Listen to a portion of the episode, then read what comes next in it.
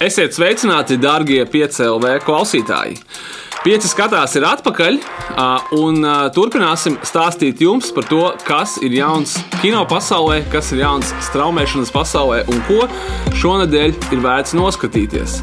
Mūsu jaunais formāts būs tāds pats, bet citādāks. Tiksimies ar jums pārsvarā tiešsaistē, vai nu 5 LV platformā, vai arī jūsu iemīļotākajās podkāstu aplikācijās. Mūsu raidījums būs garāks. Filmu kļūs tikai vairāk, seriālu kļūs tikai vairāk, un iespēju, ko skatīties gan kinoteātros, gan mājās, kļūs tikai un vienīgi vairāk. Turklāt, beidzot, saistībā ar jauno formātu, mēs varēsim realizēt sen kāroto pieci skatās ideju un aicināt pie mums ciemos arī pašmāju un, kas to zina, varbūt ne tikai pašmāju, kino veidotājus un ar kino procesiem saistītās personas, lai viņas mums pastāstītu par to, kas tad viņuprāt jauns notiek kino pasaulē, un jūs, protams, esat aizvien vairāk informētāki. Ceram, ka jaunais pieci skatās formāts jums patiks, un jūs mūs klausīsieties katru nedēļu un ieteiksiet to darīt arī citiem.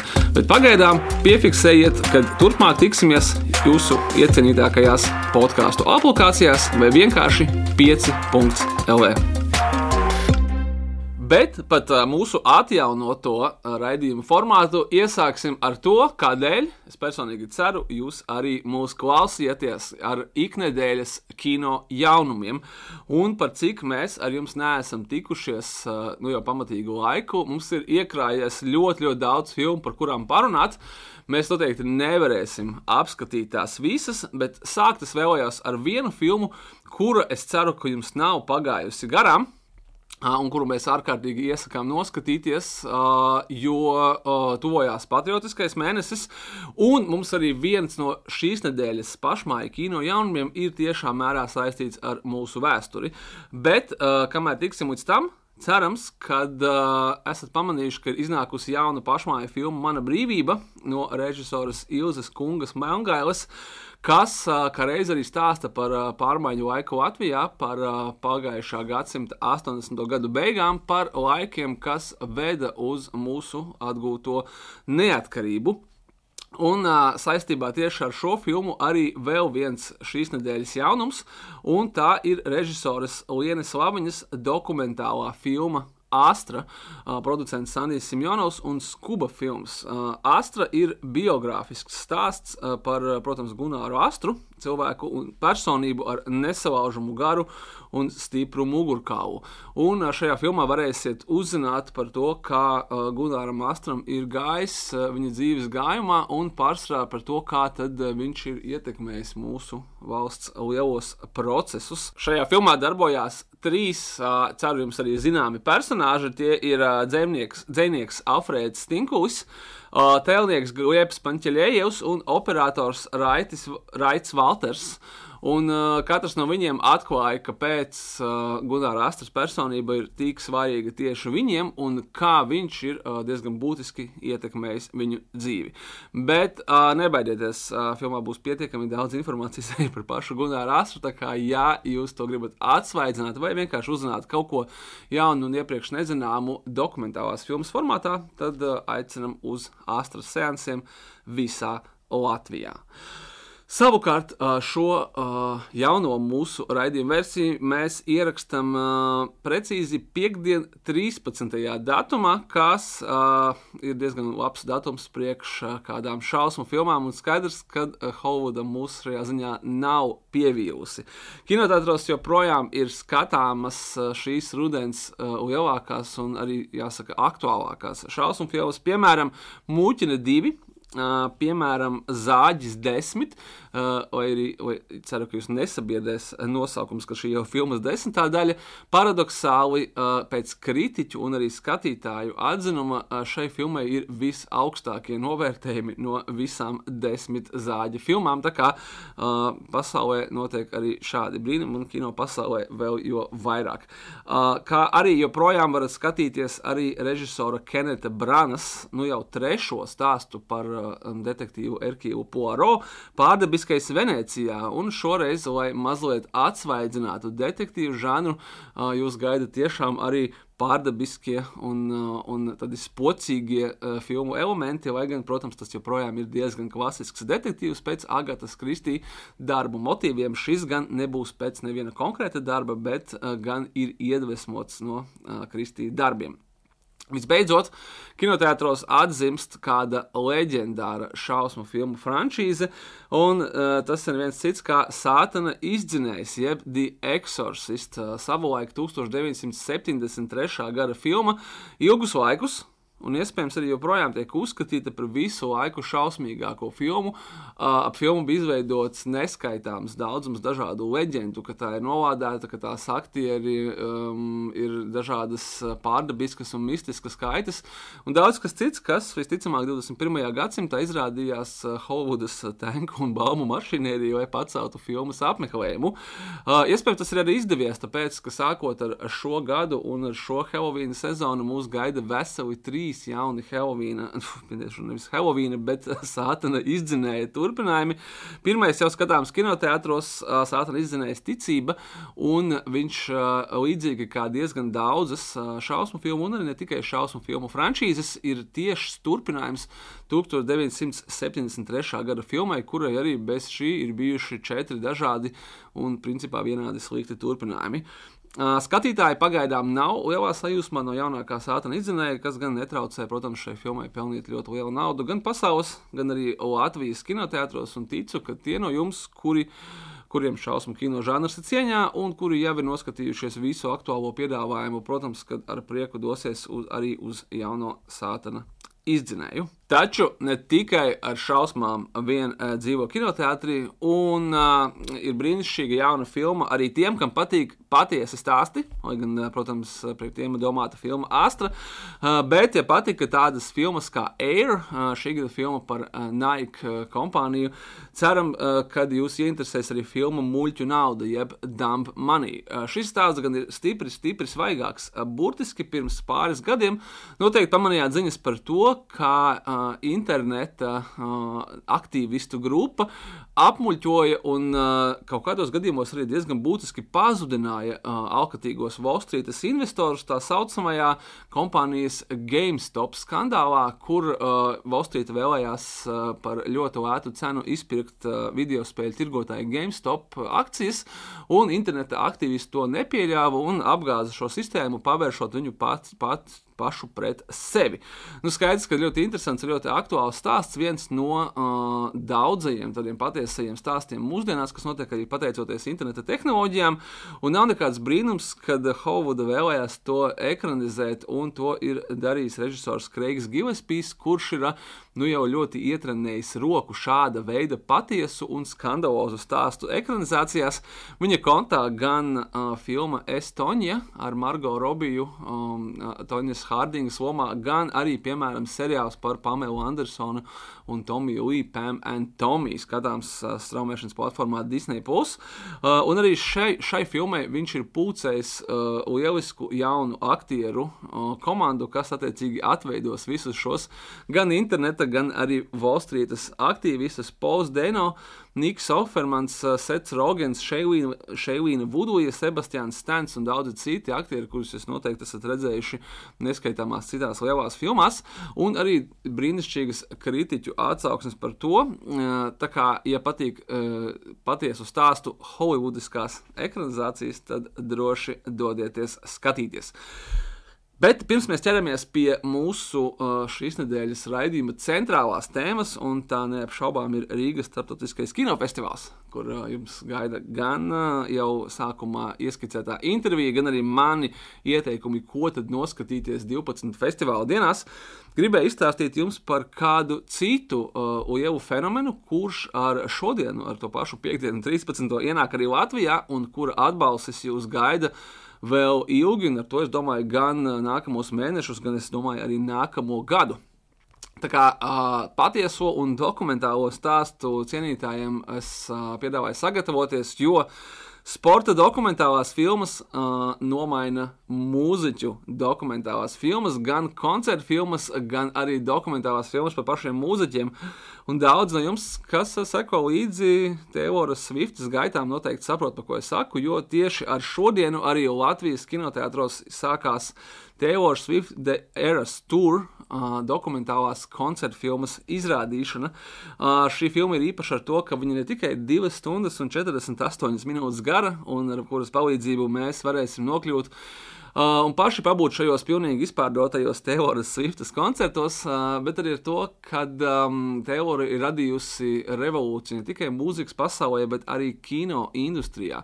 Šo savu koncertu filmu uh, Taylora un viņas komanda kopā ar režisoru Semu Renču ir sagatavojusi pati, pilnīgi apējot Hollywoodas studiju sistēmu, uh, lai gan uh, kinostudijām tika piedāvāts iesaistīties šīs koncertu filmas producēšanā, viņas no tā atteicās. Uh, un par to ļoti rūkti nožēloju, tāpēc, kad uh, tikai biļešu iepriekš pārdošanā Teoras Swiftas koncerta filma ir nopelnījusi vairāk kā 100 miljonus dolārus tikai ASV, tādā veidā uzstādot jaunu iepriekš pārdošanas rekordu, un uh, šis iepriekš pārdošanas rekords nepieder nevienai Hollywoodas studijas filmai, bet gan Teoras Swiftas koncerta filmai, kas, protams, ir ārkārtīgi ironiski, ka tagad um, studiju pārstāvi ar visām vārītēm cenšas sagrābt šo te jauno fenomenu aiz astes.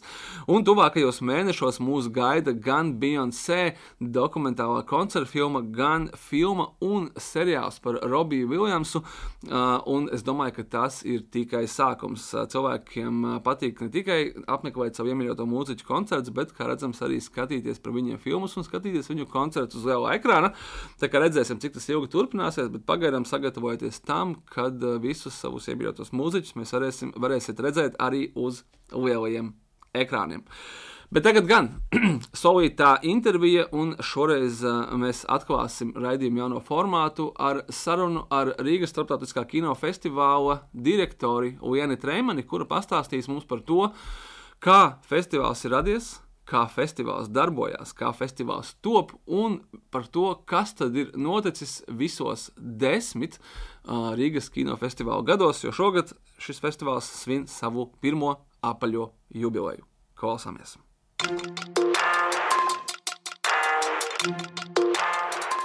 Šodien es dažas dienas pirms festivāla sākuma esmu kopā ar uh, festivāla direktori Lienu Treimani, lai uh, pamatīgi aprunātos par to, kur šo desmit gadu laikā uh, Rīgas starptautiskais kinofestivāls ir nonācis, ar ko tas ir sācies, kā tiek plānotas filmas, ko mēs gaidām šī gada festivālā un daudzām, daudzām citām lietām un jautājumiem, kas varbūt ir iekrājušies par šiem desmit gadiem. Labrīt, Liena! Labrīt! Desmit gadi ir tā vesela dekāde priekš mhm. kinofestivāla, arī priekš cilvēkiem, priekš mums visiem. Tāpēc man liekas, ka nav galīgi liekas jautājums, atgriezties šos desmit gadus atpakaļ, mazliet pagātnē, uz brīdi, kad. Jā, kas bija šis brīdis, kad, kad tika pieņemts lēmums, vai kas bija šis impulss, ka Rīgai ir nepieciešams Rīgas starptautiskais kinofestivāls? Tas bija 2014. gadā, kad Rīga bija Eiropas kultūras galvaspilsēta. Tas bija viens impulss. Un Rīgā notika arī Eiropas Kinoakadēmijas balvas pasniegšana.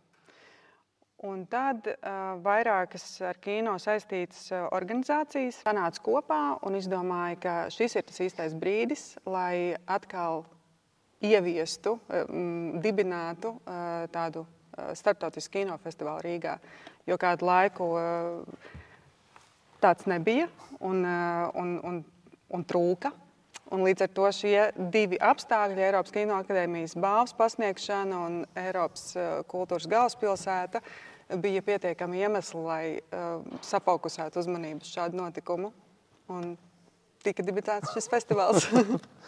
Kā tu, kā tu pat atceries, kā bija tas pirmais festivāls, ar kādām sajūtām uz viņu nāca? Zini, kā eh, es festivālam pievienojos tieši pēc pirmā okay. gada. Pēc, bet es atceros festivālu, jo es viņu apmeklēju kā apmeklētājs jau jau zinot, ka es pievienošos komandai pēc tam. Tā kā jā, ar lielu sajūsmu un, un, un satraukumu, patīkamu. Tas, tas bija, protams, tikai pats sākums, un, un bija tādas lielas gaidas. Varbūt tas, tas apjoms un tā intensitāte vēl nebija tik liela kā vēlākos gados, bet sākums bija, bija jā, pietiekami daudz sološs. Tas bija decembrī. Tagad festivāls notiek oktobrī.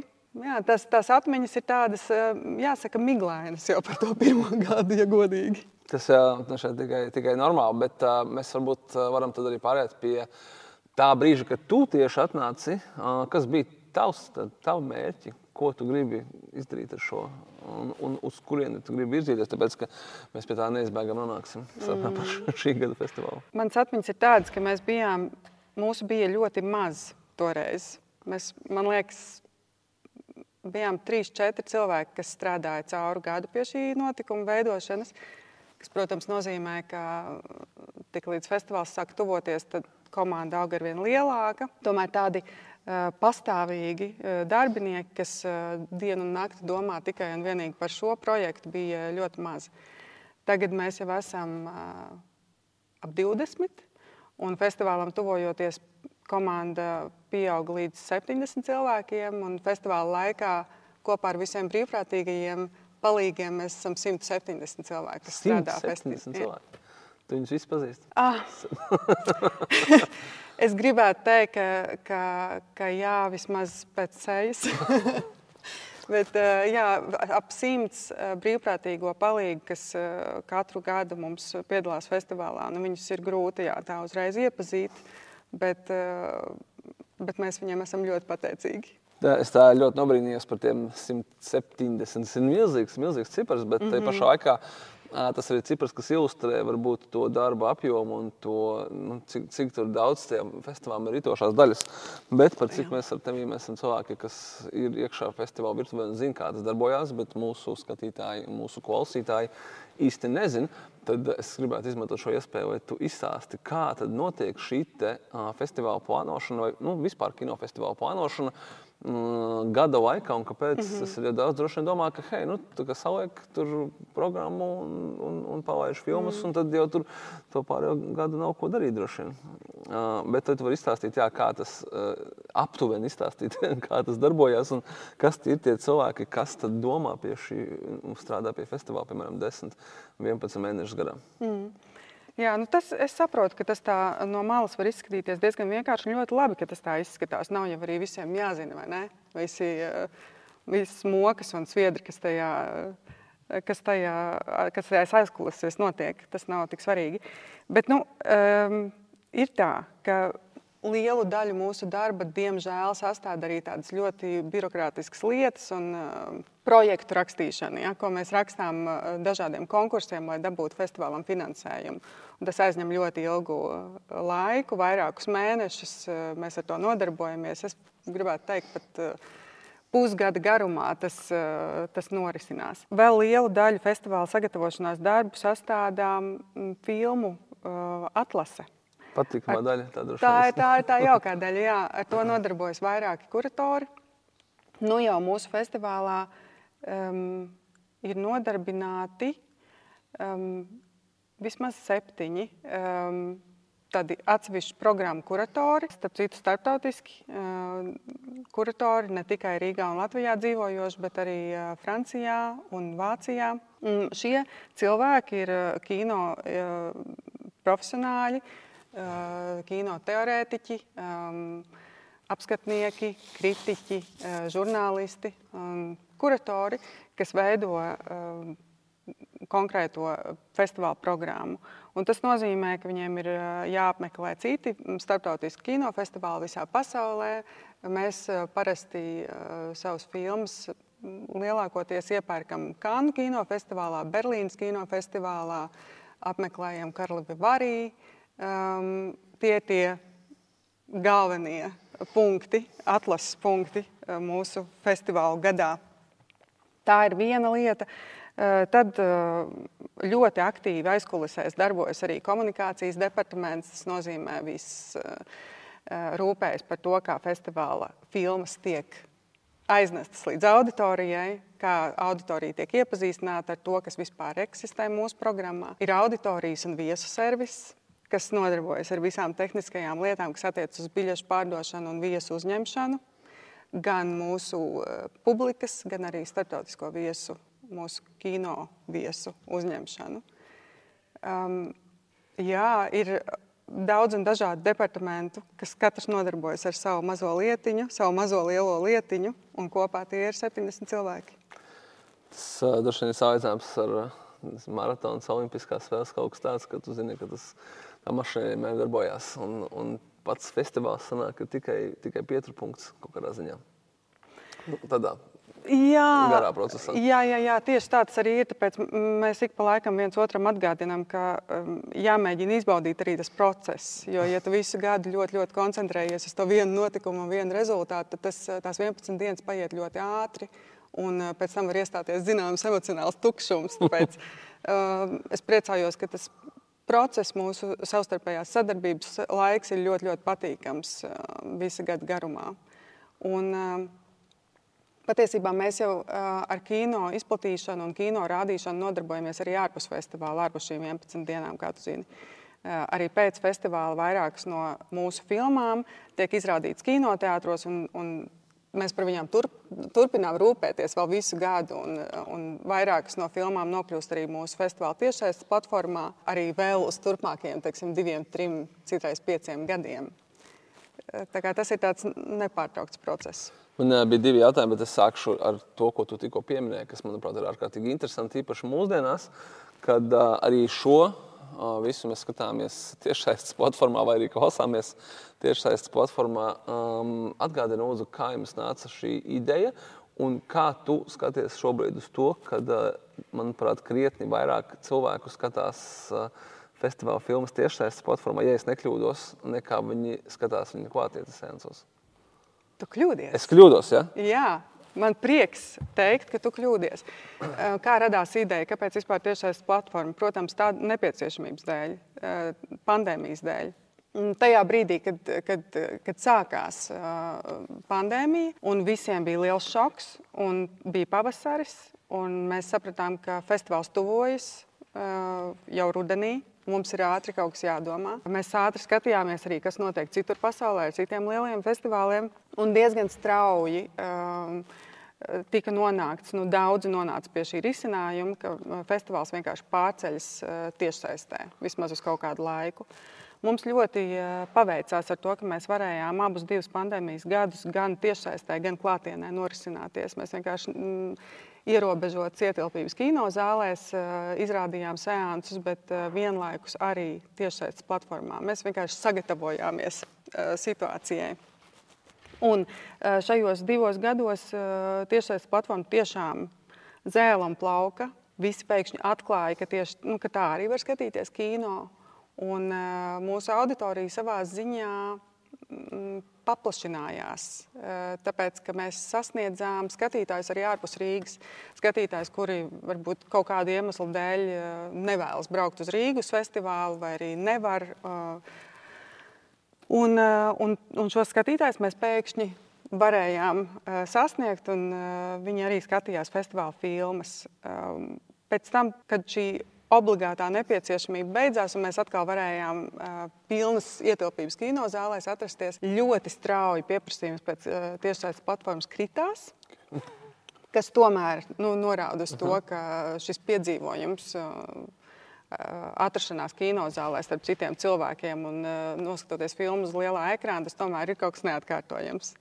Un uh, cilvēki to joprojām novērtē. Es domāju, ka mēs labi zinām, Un tas ir neapstrīdams fakts, ka uh, kino skatīšanās eh, dažādās tiešās platformās ikdienā noteikti ir pieaugusi. Es domāju, ka tas tā turpināsies. Bet, uh, kas attiecas uz tādiem īpašiem notikumiem kā kinofestivāls, cilvēki tomēr izvēlas, nu, lielākā daļa skatītāju izvēlas tomēr apmeklēt festivālu klātienē. Kaut gan arī šogad mēs piedāvājam tiešais iespēju. Ja, tā tam šeit arī vajadzētu būt, tāpēc ka tomēr tā bija tāda piespiedu, piespiedu kārta iespēja. Jā, es vienkārši atceros to, ka no iepriekšējiem gadiem, kad bija tie cipari, es biju ļoti priecīgs, ka redzēju, ka jums ir nu, tik daudz tie skatī, skatījumi mm -hmm. un skatītāji, kas skatās tiešsaistē, kas man ir priecēja tieši kontekstā ar to, ka viņi neskatās varbūt kādas citas platformas, viņi skatās tieši, tieši šo saturu vai tieši šīs filmas, lai nebūtu viņas jāsauc par saturu. Atgriežoties drīzāk pie filmām, es atceros, ka tu minēji, ka jums strādā vairāki gan vietējie, gan starptautiski kuratori, kas atlas attiecīgi pasaules labāko kinofestivālu filmas, kuras varētu parādīt arī Rīgā. Cik daudz jums ir bijuši kaut kādi kašķi par to, ko mēs šo rādām, vai mēs šo nerādām un kāpēc un, un kā tas notiek? Kašķi nav bijuši tās tādas ļoti. Nē, nu tiešām, ja būtu, es pastāstītu, bet tās tādas ļoti draudzīgas un kolēģiālas diskusijas. Man liekas, ka, ka mēs visi tik ļoti izbaudām to kopā strādāšanu un to, ka mums ir iespēja apmainīties ar domām. Dažreiz tās domas nesakrīt, varbūt nepiekrīt eh, kādam, kādai izvēlei, ko ir izdarījusi mūsu vācu kuratori. Tajā pašā laikā viņas abas uh, dialoga, nu, dialoga rezultātā nonāk pie kopsaucēja. Man liekas, ka skatītājs no tā ir tikai ieguvējs. Jo tā programma rezultātā ļoti, ļoti uh, rūpīgi izdiskutēta. Uh, dažādi viedokļi tur ir piedalījušies, piemēram, konkursu programmas. Uh, atlases komisijās atrodas 5, 6, 7 dažādi cilvēki, kuri visi noskatās visas konkursiem pieteiktās filmas un tad kopīgi pieņem lēmumu par to, kuras filmas nonāks konkursu programmās. Tā kā, jā, kašķu, man, manuprāt, nav. Es vismaz neesmu neko tādu ne piedzīvojusi, ne novērojusi ļoti draudzīgi viss notiek, un, bet nu, intensīvi. Jā. Bet eh, tev kā festivāla direktoram ir tādas veto tiesības, ka tu saki, tā, ka yes, jā, vai nē, kā Romas eh, imperators. Nē, man nē, tu, tā kā ļauj komandai izdiskutēt un, un, un salikt. Jā. Nē, nu pilnīgi noteikti iedomājies, ārprāt, tas būtu šausmīgi. Tā nedrīkst. Tad, nu, īstenībā es pat ļoti, ļoti priecājos, ka man, ka man nav tādu tiesību, jo es nevaru ietekmēt, subjektīvi ietekmēt procesus. Rezultātam ir jābūt tādam komandas darbam, un tikai tādā veidā viņš ir, nu, kļūst tik krāšņs, kāda ir festivāla programma. Tās ir deviņas programmas, deviņas tematiskas sadaļas, kurās ir vairāk nekā simts filmas apkopotas. Kā, kādas tur viena cilvēka veto tiesības? Paldies. Starp citu, tas ir tieši mans nākamais jautājums, ko es gribēju pajautāt. Un īstenībā, sākot jau, manuprāt, ar festivāla pirmajiem gadiem, tur tu man vari pabūt, varbūt tas ir sākot jau ar otro gadu. Ko es ļoti labi atceros par Rīgas FF, tas ir tieši šīs dažādas programmas, kas, manuprāt, arī kaut kādā ziņā padara to par tādu o, īstu pasaules klases kinofestivālu. Tās programmas jums ir dažādas, un viņas arī ir paliek nemainīgas. Manuprāt, jums ir Nordic Highlights, mm -hmm. kas ir visu laiku, un viņas jums arī ir mainīgas un arī tādas. Es teiktu, o, interesanti, specifiskas. Jums ir uh, arhitektu filmu programma, Jā. piemēram, ir bijusi. Nezinu, uh, šogad nebūs. Šogad nebūs pareizi. Tad, tad es nezinu. Bet nākamgad būs. Izstāsti, kā tas, kā tas rodās un kā jūs pie viņiem nonākat. Jo šīs programmas, manuprāt, ir. Vai, piemēram, Baltijas mūzikas video programma, mm -hmm. kas nav, bieži vien tas nav kaut kas tāds, ko tu gaidi varbūt no kinofestivāla, un kas pilnīgi noteikti nav arī citos kinofestivālos. Mm -hmm. Jā, nu redziet, atkal. Mums ir daudz kuratoru, mums ir plaša komanda. Un katram ir uh, kaut kādas savas idejas un savas uh, vēlmes, ko gribas realizēt. Bet kāpēc vispār uh, šis programmas sadalījums tematiskās sadaļās? Tādēļ, ka filmu ir ļoti, ļoti daudz. Un, principā, šīs sadaļas ir izveidotas tikai ar vienu mērķi - palīdzēt skatītājiem norientēties piedāvājumā. Uh, Nordic Highlights nozīmē Ziemeļvalstu filmas, Ziemeļvalstu uh, jaunākais uh, laikmatīgais kino. Tad ir retrospekcijas programma, kur mēs atkal runājam par kino klasiku. Šogad, starp citu, izrādīsim Džima Džārmuša filmas šajā programmā. Svinēsim viņa 70 nu, gadu jubileju. Daudz par to priecīgi. Sākās, paldies. Forši.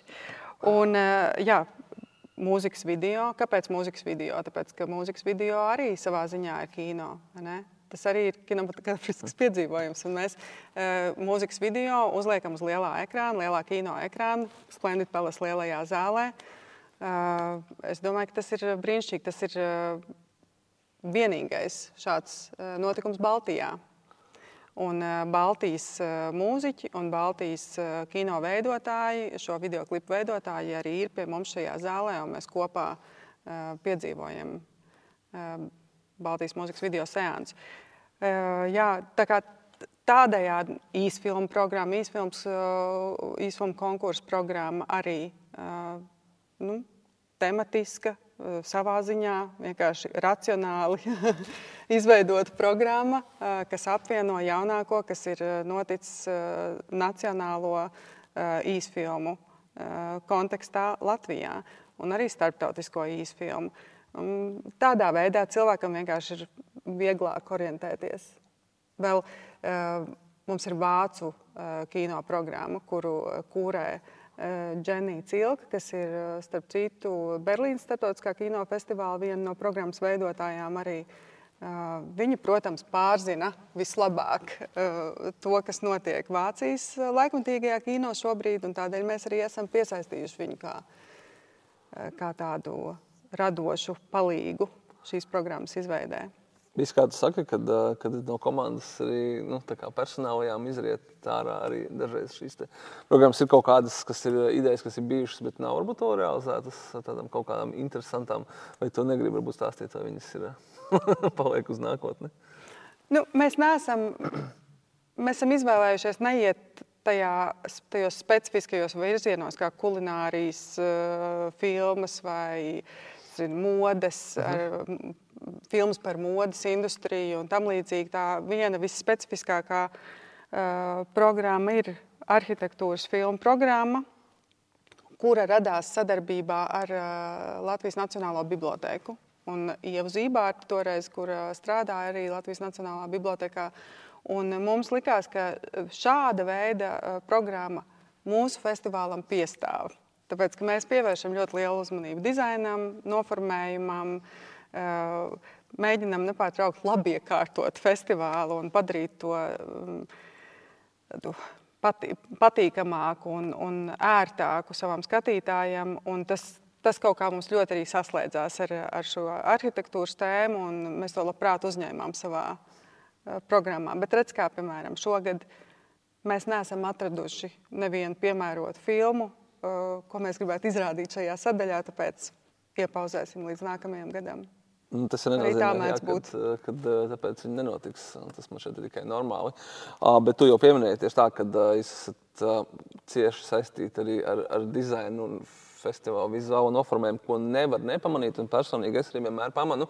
Katru gadu, kad uh, nāk Rīgas FF, tad, uh, tad es īstenībā ar lielu interesi sagaidu, kāds būs tas uh, festivāla kāda būs festivāla vizuālā identitāte šogad, kas būs tā galvenā tēma, kā tas izpaudīsies. Tas vienmēr ir ļoti interesanti. Tas ir man šeit daudzreiz arī provokatīvi. Domāju, kāpēc, kāpēc tieši tā un, un tā.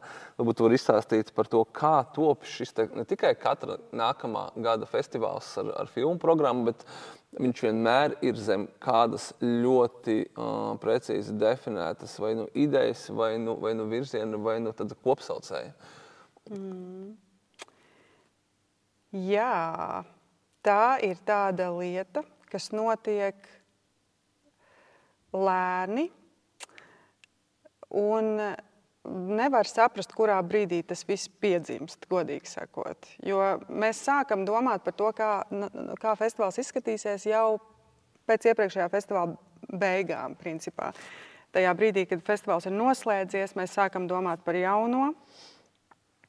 Mēs sākam rakstīt, mēs sākam plānot, veidot festivāla struktūru, kas šobrīd jau ir jāsaka, nostabilizējusies, un mēs viņu tā pilnīgi no jauna neizdomājam katru gadu. Tomēr jā, par šo uh, galveno vadmotīvu, uh, tematisko teiksim, saukli un uh, izskatu, krāsām un formām mēs sākam domāt jau, jau novembrī. Un, un tad kaut kā, kā ierasts uh, pavasarī pēkšņi piedzimst. nu, tas, eh, tas noteikti ir saistīts ar eh, kaut kādām ehm, tā brīža vai nu mūsu komandas eh, iekšējām, personīgajām vai vai kaut kādām sabiedriskām aktualitātēm, pas, pasaules aktualitātēm. Ja, tas jau... vienmēr reflektē kaut kādā ziņā par to, kas notiek tajā brīdī. Vai tas būtu karš, vai tas būtu covid, vai tas būtu kaut kas, kaut kādā ziņā tas atrod to, manuprāt, to atspoguļojumu festivāla tā gada.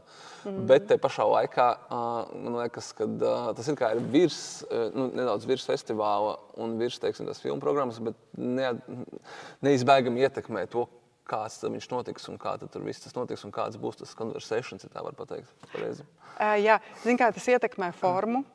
Noteikti, un veidu, kā mēs tajā gadā sapucējamies, un kā mēs tajā gadā runājam, un kāda, kāda, kāds ir mūsu balstonis. Bet uh, filmu programmu tas noteikti neietekmē. Uh, tas nav iespējams, tāpēc ka mēs nevaram vai nepasūtīt tādas filmas, kā mēs esam iedomājušies. Mēs vienkārši atlasām filmas, kas ir no tā, kas ir pieejams. Bet jūs, jūs arī skatāties, vai viņš kontekstā iet ar šo virsmu, vai, vai tomēr? Tas... Nē, tas vienkārši dabiski tā notiek. Tāpēc, ka tā virsma, kā jau mēs tikko abi sapratām, tas noteikti kaut kādā veidā sasaucas ar tā brīža aktualitātēm pasaulē vai vai mūsu tuvākajā sabiedrībā. Tas jebkurā gadījumā atspoguļojas arī tajā kino, kas ir radīts šajā laikā. Tas viss ir savstarpēji saistīts un, un, un dažreiz tas vienkārši saslēdzas. Mēs nevaram. Mēs, nē, mēs neizvēlamies filmas atbilstoši mūsu noteiktajam kaut kādām uh, tematiskajam sauklim. Tas būtu vienkārši neiespējami. Pavirzot, paldies, pavirzoties jau tuvāk tad, par šī gada festivālu. Un šī gada tēma ir iepriekšējās desmitgades apkopojums. Mm. Jā, nu šī gada tēma ir tāda, ka mēs skatāmies uz faktu, ka mums ir desmit gadi. Festivālam ir desmit gadi. Tas, protams, ir, jā, jā, tas, protams, ir kaut kāds notikums un tas ir kaut kāds uh, konkrēts noiets etaps, bet tajā pašā laikā mēs uzskatām, ka desmit ir tikai skaitlis. Gluži tāpat kā jebkurš vecums un jebkurš skaitlis patiesībā. Jo mēs varam skaitīt, mēs arī skaitām, ka mums ir 115 filmas vai 100 seansi, un mēs, mums ir 11 dienas un tik un tik apmeklētāji. Bet patiesībā tam jau nav tā lielākā nozīme. Un, tas, kam ir nozīme, ir tas, ko tu pieredzi šī festivāla laikā, un skatoties šīs vienalga vienu, divas vai piecas vai 17 filmas, Un, um, un mēs koncentrējamies uz to, uz to piedzīvojumu, ko festivāls veido. Un tas ir tas, uz ko mēs gribētu, lai arī skatītāji koncentrējas. Um, tādēļ mēs no vienas puses skaitām, no otras puses neskaitām, mazliet rotaļājamies ar šo ciparu, uh, saprotot arī to, ka tā priekš startautisku kinofestivālu pasaules īstenībā mēs esam ļoti jauni. Tu to arī labi zini. Desmit gadi tas ir uh, nieks lielākie festivāli pasaulē ir 50, 70 gadus seni un joprojām ļoti spēcīgi, un tagad tieši ļoti spēcīgi. Tā kā mums vēl ir tāls ceļš ejams, tomēr jāsaka, ka šo desmit gadu laikā mēs esam uzaudzējuši kaut kādus muskuļus, un, un mēs jūtamies daudz stabilāki nekā, nekā pirms trīs vai pieciem gadiem.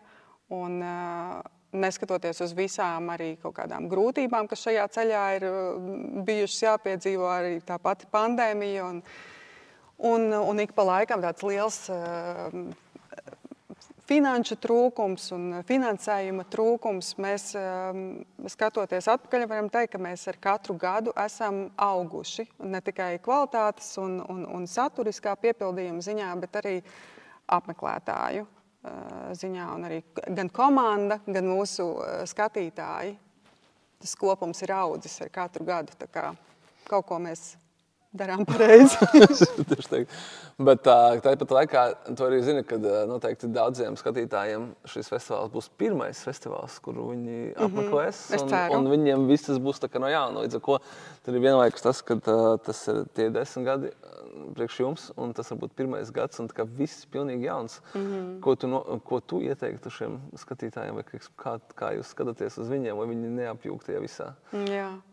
Nu, ir, ir vairāki varianti kas, kas no kuram ir tāds pieejams un intuitīvi tuvāks. Man liekas, viens variants ir tiešām mēģināt um, klausīties, ko saka kaut kādi jūsu viedokļu līderi. Kādas filmas viņi izvēlas. Man liekas, ir pilni mēdīji šobrīd ar dažādām filmu izlasēm no mūsu festivāla. Tas noteikti palīdz. Uh, bet vēl viens variants ir neklausīties nevienu un vienkārši nākt uz visu, uz ko var paspēt. Jo tikai tā patiesībā var iegūt to festivāla sajūtu. Ka tu esi nepārtrauktā pārskrējienā no viena piedzīvojuma uz otru piedzīvojumu, no viena seansa uz otru, no īsu filmu seansu, uz filmu filmu seansu, uz mūzikas video seansu. Tad var iegūt to, to, to pilno sajūtu par to, kas ir festivāls un par to, cik ļoti, ļoti dažādas emocijas un dažādas pārdomas viņš var raisīt. Es domāju, ka ir vērts noteikti izvēlēties arī e, tos seansus, pēc kuriem mums ir paredzētas dažādas sarunas. Mēs uh, veidojam sarunas gan ar filmu veidotājiem, kuri ir atbraukuši šeit, lai piedalītos seansā un lai aprunātos ar auditoriju. Gan arī dažādas nu, tā, speciāli kūrētas sarunas par filmā redzētajām tēmām, kurās piedalās dažādu jomu profesionāļi, ne tikai kino eksperti, bet mm, mentālās veselības speciālisti. Ģimenes psihoterapeiti, arhitekti, dizaineri, reklāmisti, dažni dažādu jomu pārstāvi, kuri tad ir aicināti runāt un izteikties pēc šo filmu noskatīšanās. Piemēram, mums ir programmā Roja Andersona īsfilmu un reklāmu izlase. Tas ir arī manā jā. programmā. Ļoti labi. jā. jā, tas, ir, tas, ir, tas ir viens no seansiem, ko es noteikti ieteiktu apmeklēt. Un tad pēc šī seansa, protams, mēs esam aicinājuši uz sarunu uh, reklāmas nozares pārstāvis. Kad ir visticamāk ietekmējušies tiešām mērā no ļoti daudzām Roja Andersona. Ļoti iespējams. Jā. Es ceru. Mm. Tāds jautājums ir, mm, festivālam desmit gadi ir, un kā tu pat arī minēji, kad uh, tā struktūra jau ir būtībā uh, ir neteikt iesakņojusies, bet viņa tad, nu, jau, jau nosēdusies. Respektīvi, netiek mainīta katru gadu. Kas, tavuprāt, ja tu vari ieskicēt, mums gaida festivāla nākotnē? Pēc pirmās desmitgades, un vai jūs mēģināsiet apzināti teiksim, izvairīties no tā, ka vienā brīdī tu esi to normalizējis, to savu struktūru, bet tu neesi vēl iegājis tajā rutīnā, ka tas jau paliek mazliet vienveidīgi un tev pašam gribās varbūt kaut ko citādāk. Kas ir tās tendences pasaules kino festivālos, varbūt ko tu vari pateikt arī mūsu skatītājiem un klausītājiem, uz kurieni, uz kurieni iet, teiksim, pasaules kino festivālā, kā viņi mainās vai kā viņi kaut ko citādāk, ja vispār viņi to dara. Lielākie festivāli laikam nedara pārāk. Man ir. Man šķiet, ka tā uh, privilēģija uh, mainīties un tā visu laiku pilnveidoties un kaut ko jaunu izdomāt tieši tiem jaunajiem. Un mēs esam jauns festivāls un mēs vēl jūtam sevi uh, drosmi uh, kaut ko jaunu gadu izdomāt. Um, jo lielāks tu kļūsti, jo, jo iespaidīgāks, jo vecāks un ietekmīgāks, jo grūtāk ir kaut ko mainīt. Tāpēc, ka ir eh, cilvēki jau no tevis kaut ko ļoti konkrēti sagaida. Mm, es domāju, ka tas, ko mēs darīsim, mēs turpināsim veidot, um, veidot uz no vienas puses auditoriju vērstu notikumu, bet arī vienlaikus ļoti aktīvi turpināsim strādāt pie mūsu vietējās kino industrijas veicināšanas pasākumiem, jo mēs to uzskatām par vienu no saviem mērķiem, uzdevumiem. Teksim, tā ir mūsu misijas sastāvdaļa. Kaut kādā veidā ietekmēt arī uh, pozitīvi ietekmēt norises kino nozarē. Tādēļ mums ir pasākums ar nosaukumu Riga IF Forum, kas ir domāts tieši kino profesionāļiem, Un, tajā ir iespēja teiksim, konkurēt spējīgiem filmas un daudzsēriju filmu autoriem, veidotājiem prezentēt savus jaunos projektus starptautiskajai auditorijai, starptautiskajai ekspertu auditorijai, kas nozīmē, ka viņi var potenciāli iegūt filmai koproducentus, izplatītājus, tirdzniecības aģentus, šie projekti, jeb filmas var tikt noskatītas izrādīšanai citos lielos festivālos pasaulē. Mm, tie var iegūt jā, daudz jaunus sadarbības partnerus. Nu, tā, tas, ir, ir, tas ir virziens, kur mēs noteikti ar lielu jaudu turpināsim attīstīt arī nākotnē. Mm, vēl Mēs eh, strādāsim pie tā, lai mūsu konkursu programmas, mūsu starptautisko konkursu programmas eh, augtu, eh, kļūtu lielākas un nozīmīgākas arī starptautiskā kontekstā. Un es domāju, ka mēs turpināsim visu kaut ko izdomāt visu kaut ko jaunu izdomāt, lai, lai mūsu skatītājiem eh, kā, būtu interesanti un lai katru gadu uh, viņu pieredze uh, uzlabotos. Tas ir tas, kas ir. Tas ir tas, kas mums ir ļoti svarīgi, lai cilvēks, kurš atnāk uz festivālu, jūtas gaidīts un lai viņam ir ērti un lai, lai eh, viņš var izbaudīt jaunākās iespējamās uh, tehnoloģijas un jaunākos iespējamos risinājumus, kas nevienmēr ir uh, mūsu iespējās finansiāla apsvērumu dēļ, bet mēs nepārtraukti atrodam kaut kādus jaunus, interesantus veidus, kā tikt pie, pie dažādiem uzlabojumiem. Tāpēc arī mums ir tiešsaistes platforma, Tādēļ mums ir šogad, mums, starp citu, ir informācijas centrs daudz ērtāks, ārpusē pieejams, nav jāiet, jāmeklē iekšā šaurajos gaitaņos. Saki, ko gribi, bet, manuprāt, festivālam joprojām ļoti daudziem cilvēkiem, un īstenībā arī manis var saprast to sajūtu, ka tu saņem festivālu bukotu, un tu sāc skatīties, un tu sāc šķirstīt, un viņi pētīt, un nekāda pat ļoti laba mājaslapa kā jums. Nevienmēr to var nu, aizvietot to, ka tu vienkārši vari veltīt savu laiku, un tad tu vari izšķirstīt un, un, un apskatīties. Cik, cik ir kopumā filmu šī gada festivālā, ieskaitot īsfilmas un vispār visu? Vairāk nekā simts. Man liekas, 100, 112, ja nemaldos, kopumā. Man ir jautājums, vai tu vari mūsu skatītājiem, kostiem ieteikt vienu. un, uh, nu jā, kā, kādu, kādu vien tu vēlēsies, kuru nu, noteikti, noteikti vajadzētu redzēt. Es saku, vienu, tu man dod tikai vienu jā. iespēju. Es zinu, ka tas ir ļoti grūti un tas mm. izvēlēties bērnus. Un, Bet vēl droši vien vēl, vēl briesmīgāk, ka tu nekad nevari trāpīt visiem, bet, mm. tā, bet vienā. Labi, ja man jāizvēlas viena, tad tā būs um, filma, ko mēs izrādām pēdējā festivāla dienā. Okay. uh, jā, pēdējā svētdienā, un tas ir Kristiāna Petsolda liesmojošās debesis. Okay.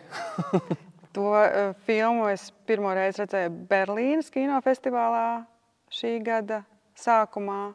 Un, uh, Nu, viņi atstāja neizdzēšanu iespaidu. Um, tur arī fantastiska mūzika. Paldies.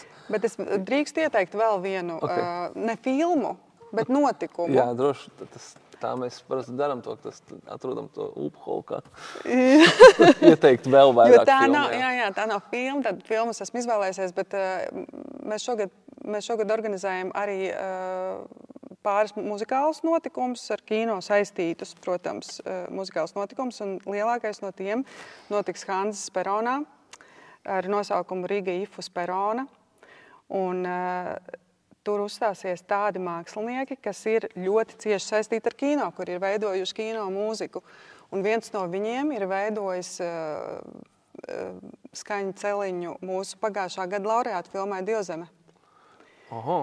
Jā, tas ir Aleks Žangs Huntais, kanādietis, kurš ir plašākai, teiksim, nu, melomānu publikai pazīstams ar skatos vārdu Dirty Beaches. Un viņš piedalīsies, viņš uzstāsies šajā pasākumā.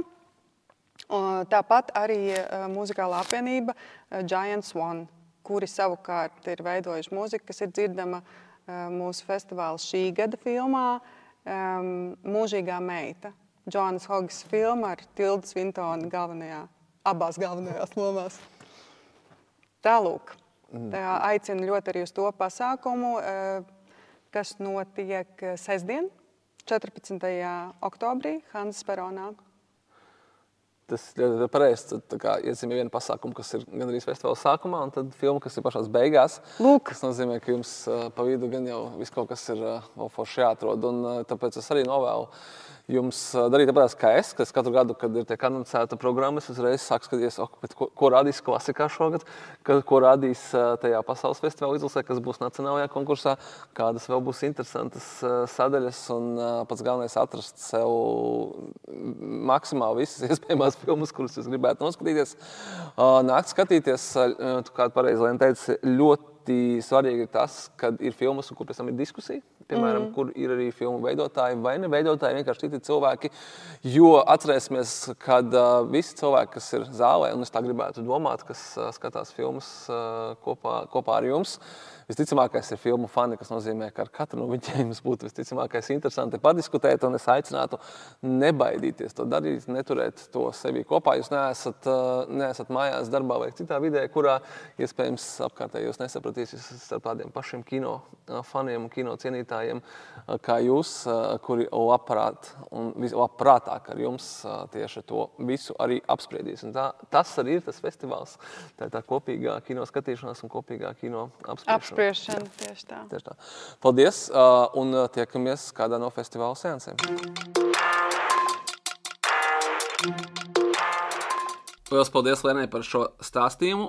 Uh, tagad, kad uh, mēs esam uh, dzirdējuši viņas uh, ieteikumu par to, ko skatīties festivālā, uh, un, protams, ka neviena nevarēja iztikt tikai ar vienu ieteikumu, un tāpat nevarēšu iztikt arī es. Līdz ar to mūsu raidījuma noslēgumā pastāstīšu jums par to, ko es personīgi plānoju iet skatīties uz Rīgas starptautisko kinofestivālu un ko es ieteiktu apmeklēt arī jums. Lai gan sarunā ar Lienu mēs īsi ieskicējām par to, kas ir festivāls, un te man atkal jāpasaka, ka mūsu izgrieztās ainas no šīs sarunas bija arī par to, ka ir kinofestivāls. Un tad ir piemēram kino skates, neminot neko ne, citus pasākumus vai, vai festivālus vārdā. Es domāju, ka ir liela starpība starp to, uh, kad, uh, kad tu rīko kaut ko, kam ir uh, padziļināta vērtība un kam ir arī citi notikumi. Un tieši šī cilvēku pulcēšanās un diskutēšana par filmām un pasākumi, kas varbūt nav tiešā mērā saistīti ar tieši pašas filmas skatīšanos, jeb arī ir uh, pastarpināti, kā jau minētais, uh, koncerts ar filmu mūziku Hanzas Peronā, uh, diskusijas pēc filmām, uh, mūzikas video skata, jo uh, piekritīsiet, uh, tas nav arī ne pēdējo piecu, ne pēdējo desmit gadu, bet iespējams uh, vēl kopš pašu mūzikas video rašanos šis žanrs ir ļoti, ļoti kinematogrāfisks un neskaitāmi mūsdienu lielie režisori, gan komerckino, gan arī autoru kino ir nākuši no tieši mūzikas video žanra, kur viņi ir uh, pilnveidojuši šo savu arodu, izstāstīt stāstus varbūt uh, trīs vai četrās vai piecās minūtēs. Nu, lūk, tā kā uh, festivāls tomēr ir kaut kas vairāk nekā tikai filmas, un tādēļ Manos ieteikumos arī būs uh, tikai filmu programma. Bet no otras puses, uh, mūsu pieci skatās vienmēr ir pārsvarā bijis orientēts uz to, kas tad ir aktuāls kinoteātros un kas ir tāds liels un mainstreamīgs, ja tā drīkstu pateikt, šī vārda vislabākajā nozīmē. Tāpēc savu ieteikumu es gribēju sākt ar uh, filmu, kas ir šogad saņēmusi Zelta palmas zaru Kannu kinofestivālā. Uh, un skaidrs, ka uh, jebkura filma, kas ir saņēmusi šo apbalvojumu nevar palikt nepamanīt, un tas vienkārši ir jāņem vērā. Un uh, filma Kritiena anatomija ir uh, absolūts Eiropas uh, kino smagsvars, un, un viņš beidzot ir tepat pie mums uz lielā ekrāna arī Latvijā. Filmā ļoti interesants stāsts, ja, kādu, ja kādam tas palīdzēs viņu izvēlēties. Tā ir detektīva drāma par kādu sievieti, kas ir nogalinājusi savu vīru, un sākumā liekas, ka tas ir nelaimes gadījums. Un kā jūs to saprotat, tad, protams, filmas laikā mēs sapratīsim, ka nekas nekas nejaušs tur nenotika, un filmas galvenos varoņus gan pirms, gan arī pēc šī notikuma saista diezgan spēcīga drāma, un, un filmas laikā mēs to kopā ar viņiem varēsim atšķetināt. Filmas sēnes piekdien, 20. oktobrī, kritiena anatomija, un pēc tam šī filma, cik saprotu, būs redzama arī uz Latvijas kino ekrāniem, bet tas nenotiks uzreiz pēc festivāla, tā kā iesaku jums nepalaist garām šo vienīgo filmas sēnsu. Uh, viena filma, vēl viena filma, kuru es ieteikšu, bet uzreiz pabrīdinu, kad šo, viņi ir, iegād, viņu ir iegādājies izplatīts traumēšanas gigants Netflix, kas nozīmē, ka maijas decembrī, jeb mēģi decembrī mēs varēsim redzēt šajā traumēšanas platformā agrāk vai vēlāk. Cik vēlāk vai agrāk nemācēšu jums pateikt, un, jo filmu mūsu teritorijā tomēr izrādīs kinoteātros, bet jau tajā pašā 20. oktobrī varēsim piedzīvot šo režisora Toda Heinza, kuru atceramies pēc tādas filmas kā Karola, uh, diezgan līdzīgas noskaņas uh, psiholoģisko drāmu ar divām fantastiskām aktrisēm, Julianu Mūru un Natāliju Portmani, galvenajās lomās. Arī šo filmu ieskicējot, man sanāks pieskarties mazliet skandaloza, skandalozai tēmai. Filmas stāsta par kādu aktrisi, uh, kuru atveido Natālija Portmane, kura dodas pie kādas ģimenes, lai izpētītu savas topošās filmas stāsta prototipu. Šo prototipu atveido Juliana Mūra, kur ir laimīgi precējusies ar savu vīru, un viņiem ir šķietami idiliska dzīve kādā ASV mazpilsētā. Bet, kur tas skandāls? Jūs jautāsiet, šīs Julianas Mūras varone ar savu vīru iepazinās tad, kad vīram bija 13 gadi, un viņš bija skolnieks, un neskatoties ne uz ko viņi palika kopā, izauga un uh, audzina bērnus un uh, dzīvo laimīgi kopā. Bet nu, tā nebūtu filma, ja tas tā būtu. Un vai tiešām laimīgi, vai tiešām kopā to jūs uzzināsiet uh, filmas maija decembrī seansā. 20. oktobris 18.00. Ir skaidrs, ka Rīgas starptautiskais kinofestivāls nevarētu iztikt arī bez kādas pašmāju pirmizrādes. Un šoreiz, uh, ja es nemaldos, tad uh, vienīgā pilnmetrāžas uh, latviešu filma festivāla repertuārā, un uzreiz arī galvenajā konkursa programmā ir režisora Aika Karapeķāna filma Bezkaunīgie.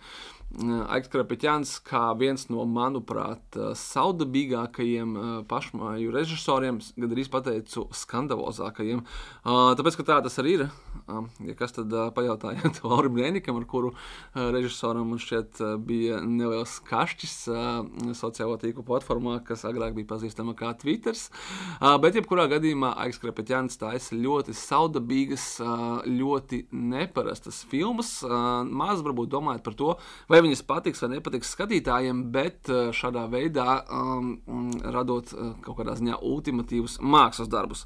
Uh, viņa jaunākā filma stāsta par kādu ģimeni, kurā uh, pārvācās uz lauku māju uh, un sāk to restaurēt. Uh, ģimenes galva sāk to restaurēt.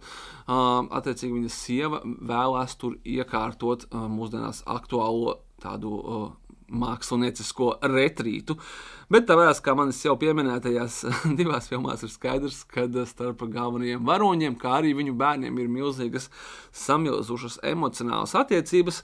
Uh, neko nesakot priekšā, tikai teikšu, ka Aikas Krepiņķēns katrā savā filmā vairāk vai mazāk spēlējās arī ar šausmu kino elementiem, vai tas būtu mm, vai tā būtu sociālā drāma, cilvēki tur, vai tas uh, būtu um, lauku trilleris, sema ceļojumi, vai būtībā jebkura no viņa iepriekšējām filmām, un arī šajā uh, filmā neiztiks bez tādiem mazliet šausminošiem elementiem. Uh, tomēr es teikšu no savas puses, ka, manuprāt, šī ir neparastākā Aika Karpaķēna filma, un uh, pašmā kino kritiķi saka, ka tā ir viņa nobriedušākā filma. Vai kā arī būtu, gala lēmumu veiksiet jūs, uh, filma jau no otrdienas pirmizrādē un arī no nākamās nedēļas pašmāju kinoteātru repertuārā. Tā kā ja netiksiet uz festivālu pirmizrādi, nebaidieties, pēc pāris dienām varēsiet šo filmu skatīties sev ērtā laikā un ērtā kinoteātrī. Uh, starptautis, Rīgas starptautiskais kinofestivāls uh, katru gadu anoncē arī savu klasisko filmu, jeb in uh, kino veritas programmu, kā cilvēks, kurš mūsu projektā Kinokults ļoti daudz nodarbojās ar klasisko filmu izrādīšanu kinoteātros. Es vienmēr ar ļoti lielu interesi sekoju līdzi šai programmai. Gan tāpēc, lai saprastu, vai Rīgas kinofestivāls parādīs kaut ko, ko pēc tam rādīsim arī mēs, vai esam rādījuši, gan arī vienkārši tādēļ, lai redzētu, ko tad viņi šogad mums piedāvās. Un šogad man labas ziņas visiem kino režisora Džima Džārmuša faniem. Cik man nācies runāt ar pašmāju kino cienītājiem, tad šis režisors un viņa daļrade, piemēram, tāds filmas kā Kafija un cigaretes, Spoku suns, Samuraja ceļš, Mironis vai Stranger, Stranger Than Paradise Latvijā ir ārkārtīgi iecienīts. Nu, ko jūs sakat, kaut vai tā pati Uh, um, Only Lovers Left Alive uh, savulaik ir uh, gadiem ilgi skatīta gan uh, kinoteātros seansos, gan dažādos brīvdabas seansos un arī mājas kino formātos. Uh, šogad uh, kinofestivāls piedāvā Džārmuša labāko filmu programmu, un kas man likās ļoti interesanti, tad arī uh, aptaujātie eksperti un uh, cilvēki, kuri šobrīd publicē savus labākās uh, festivāla filmu izlases, tāpat kā es, vienmēr iekļauju tur vismaz vienu Džārmuša filmu. Kā, manuprāt, tas ir tikai liecina par to, ka uh, ir izdarīta pareizā izvēle ar šī gada kinofestivāla uh, klasisko filmu programmu. Nu, lūk, uh, un uh, bez šīm brīnišķīgajām filmām vēlējos jūs aicināt arī uz diviem citiem ļoti interesantiem pasākumiem. Tas jau ir manis pieminētais Baltijas, Baltijas mūzikas video konkurss kurā redzēsim uh, aktuālākos pagājušā gada mūzikas video no Latvijas, Lietuvas un Igaunijas. Un, uh, kas ir, protams, ļoti svarīgi, tad arī šo video klipu autori atradīsies ar jums kopā vienā zālē, skatīsies un, uh, un tiks apbalvoti un cildināti un godināti. Es pats atceros gadu, kad pie mums bija atbraucis uh, radioklausītājiem, labi zināmais, nu, ne tikai radioklausītājiem, uh, Tomijs Kešs no Igaunijas ar savu ārkārtīgi provokatīvu informatīvo video klipu, un viņš burtiski uzspridzināja balīti, ja tā var teikt. Šogad ceram, ka būs kaut kas līdzvērtīgs, bet piecēlē klausītājiem tikpat labi zināmais vai ne labāk zināmais. Toms Greiviņš būs žūri, žūrijas priekšsēdētāja un pasākuma vadītāja formātā, tā kā vismaz par pasākuma muzikālo daļu un kompetenci man nav absolūti nekādu šaubu. Nu, lūk, bet tiem, kas seko līdzi ne tikai pasaules, bet arī pašmāju aktuālu aktuālajiem kino procesiem un notikumiem, uh, tiem es ļoti ieteiktu doties uz pašmāju īsfilmu konkursu, uh, jeb šo īsfilmu skati, lai savām acīm redzētu, ko tad ir uh, paveikuši uh, jaunie un daudzsološie, un dažos gadījumos vairs ne tik jaunie, bet joprojām daudzsološie pašmāju kino režisori Jānis Abela, Uģis Olte, Armāns Začs un citi, kuriem uh, ir uh, jau iespējams bijušas vai tikai vēl būs filmas filmas, vai tās ir tikai plānotas, kā piemēram uh, Tīnai Zariņai, uh, bet viņi visi ir sagatavojuši savas jaunākās īsfilmas jūsu vērtēšanai, un uh, manuprāt, tas vienmēr ir pats labākais veids, kā redzēt uh, vai, teiksim, uh, iedomāties, kas mūs varētu sagaidīt no šiem režisoriem nākotnē, kur iet pašmāja kino industrija un kas būs tie lielie talanti, kas mūs priecēs ar filmas filmām nākamās, nākamo piecu vai nākamo desmit gadu laikā. Tā kā tā, ja starp šīm filmām neesat atraduši, vai arī jūs gribat uzzināt, kas vēl ir skatāms Rīgas starptautiskajā kinofestivālā, tad rīgieff.lv ar brīnišķīgu katalogu, iespēju uh, piefiksēt un atzīmēt sev vēlamās filmas. Savaiziet paši savu programmu, uh, savaiziet paši savu skatāmo filmu izlasi un droši dodieties no 12. līdz 20. oktobrim Rīgas starptautiskais kinofestivāls jūs gaida, bet atvadām kāds uh, personīgs ieteikums no manis, uh, kuru mēs esam arī uh, kinokultā un starp uh, saviem kinodraugiem gadu laikā uh, atskāruši, kā tad īsti ir jāskatās filmas festivālā. Uh, ir tāda lieta, ka uh, vienmēr, kā jebkurā kinofestivālā, vai tas būtu uh, Kanu kinofestivāls, Berlīna, Venecija, Rīgas kinofestivāls vai jebkurš cits vienmēr būs lielākas filmas, vienmēr būs mazākas filmas. Protams, kad uh, Kaun, uh, Kanu kinofestivāla zelta palmas zara ieguvēju kritienu anatomiju gribēs redzēt visi, uh, lai par to parunātu, lai uh, izteiktu savu um, piekrišanu vai nepiekrišanu Kanu žūrijai, un tāpatās arī mājas decembrī, un tāpatās arī iespējams bezkaunīgie vai Aki Kaurus Mekī, somu režisora jaunāko filmu kritušās lapas. Bet te pašā laikā festivālā arī būs filmas, kuras nekad pēc tam netiks izrādītas kinoteātris repertuārā Latvijā.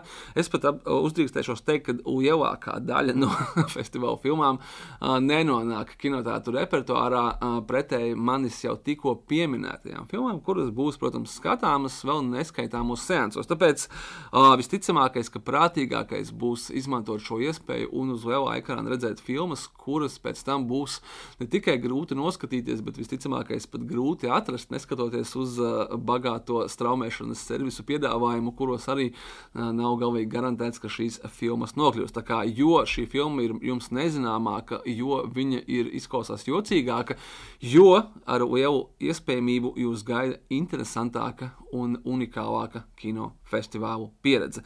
Bet tās lielās filmas, par kurām visi runā, kuras visi grib redzēt, būsim godīgi, bez viņām jūs nepaliksiet. Paspēsiet tās noskatīties tad, kad tās rādīs kinoteātris repertuārā, un ar viņām viss būs kārtībā. Kinofestivālās meklējiet, atbalstiet un atklājiet sev interesantu, dīvainu, citādāku un saudabīgu kino. Un tas arī būs mans šīs dienas jums ieteikums gan par Rīgas kinofestivālu, gan par kinofestivāliem vispār. Un ar to es atvados. Un ceru jums tikties jau pavisam, pavisam drīz mūsu jaunajā formātā. Pieci skatās straumēšanas platformās un arī centīšos paņemt līdzi kādu interesantu viesi. Šodien gan saku jums atā un uz tikšanos kino!